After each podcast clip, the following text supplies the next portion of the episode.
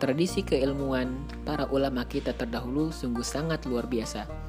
Kaya akan literasi, penuh dengan ketulusan hati, sehingga sangat banyak karya-karya besar yang dihasilkan oleh para ulama kita terdahulu. Dan kini, karya-karya besar tersebut berupa berbagai kitab-kitab para ulama sudah banyak yang diterjemahkan ke dalam bahasa Indonesia. Namun sayangnya, kita umat muslim terkadang sukar untuk mendapatkan akses bisa belajar langsung dari kitab-kitab tersebut, entah dari kitabnya ataupun dari waktu untuk menyediakannya. Maka kini hadir Talaki Kitab sebagai podcast yang akan membacakan kepada teman-teman semua literatur-literatur keislaman. Semoga bermanfaat, semoga berkah.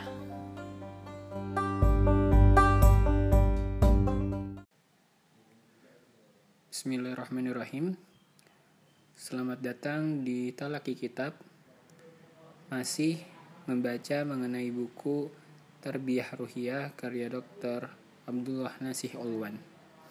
Kini kita telah sampai pada sesi yang ke-14. Insya Allah akan dibacakan mengenai faktor-faktor yang menunggu suburkan ruhiyah berkaitan dengan kepekaan jiwa. Yakni membayangkan hari akhirat dan hal-hal yang berkaitan dengannya. Yang ke-10 tentang minuman ahli neraka. Imam Ahmad At-Tirmidzi dan Al-Hakim meriwayatkan dari Abu Hurairah dari Nabi Shallallahu alaihi wasallam tentang firman Allah. Dan dia akan diberi minum dengan air nanah, diminumkannya air nanah itu. Ibrahim ayat 16.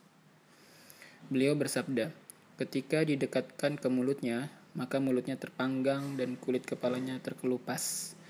Dan ketika dia meminumnya, maka terputuslah ususnya, sehingga minumannya keluar dari duburnya. Allah berfirman, dan diberi minum dengan air yang mendidih sehingga memotong-motong ususnya. Surat Muhammad ayat 15. Dan dia yang maha tinggi berfirman, dan jika mereka meminta minum, niscaya mereka akan diberi minum dengan air seperti air yang mendidih yang menghanguskan muka. Itulah minuman yang paling buruk. Surat Al-Kahfi ayat 29. Yang ke-11 tentang makanan ahli neraka. Imam At-Tirmidzi, An-Nasai dan Ibnu Majah meriwayatkan dari Ibnu Abbas radhiyallahu anhu bahwa Nabi Shallallahu alaihi wasallam membaca firman Allah. Bertakwalah kepada Allah dengan sebenar-benar takwa kepadanya. Dan janganlah sekali-sekali kamu mati, melainkan dalam keadaan beragama Islam. Surat Ali Imran ayat 102. Kemudian beliau Shallallahu Alaihi Wasallam bersabda, Seandainya setetes zakum, makanan di neraka, dijatuhkan ke bumi, niscaya akan merusak kehidupan penduduk bumi. Maka bagaimanakah keadaan orang yang memakannya? Yang ke-12 tentang tangisan ahli neraka.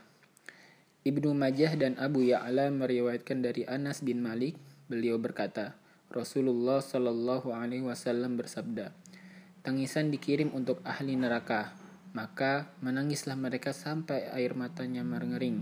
Kemudian mereka menangis dengan air mata darah sehingga di wajah-wajah mereka tampak ada parit-parit. Seandainya di parit itu diletakkan kapal-kapal, pasti akan bisa dilayari. Yang ke-13 mengenal ukuran ahli neraka.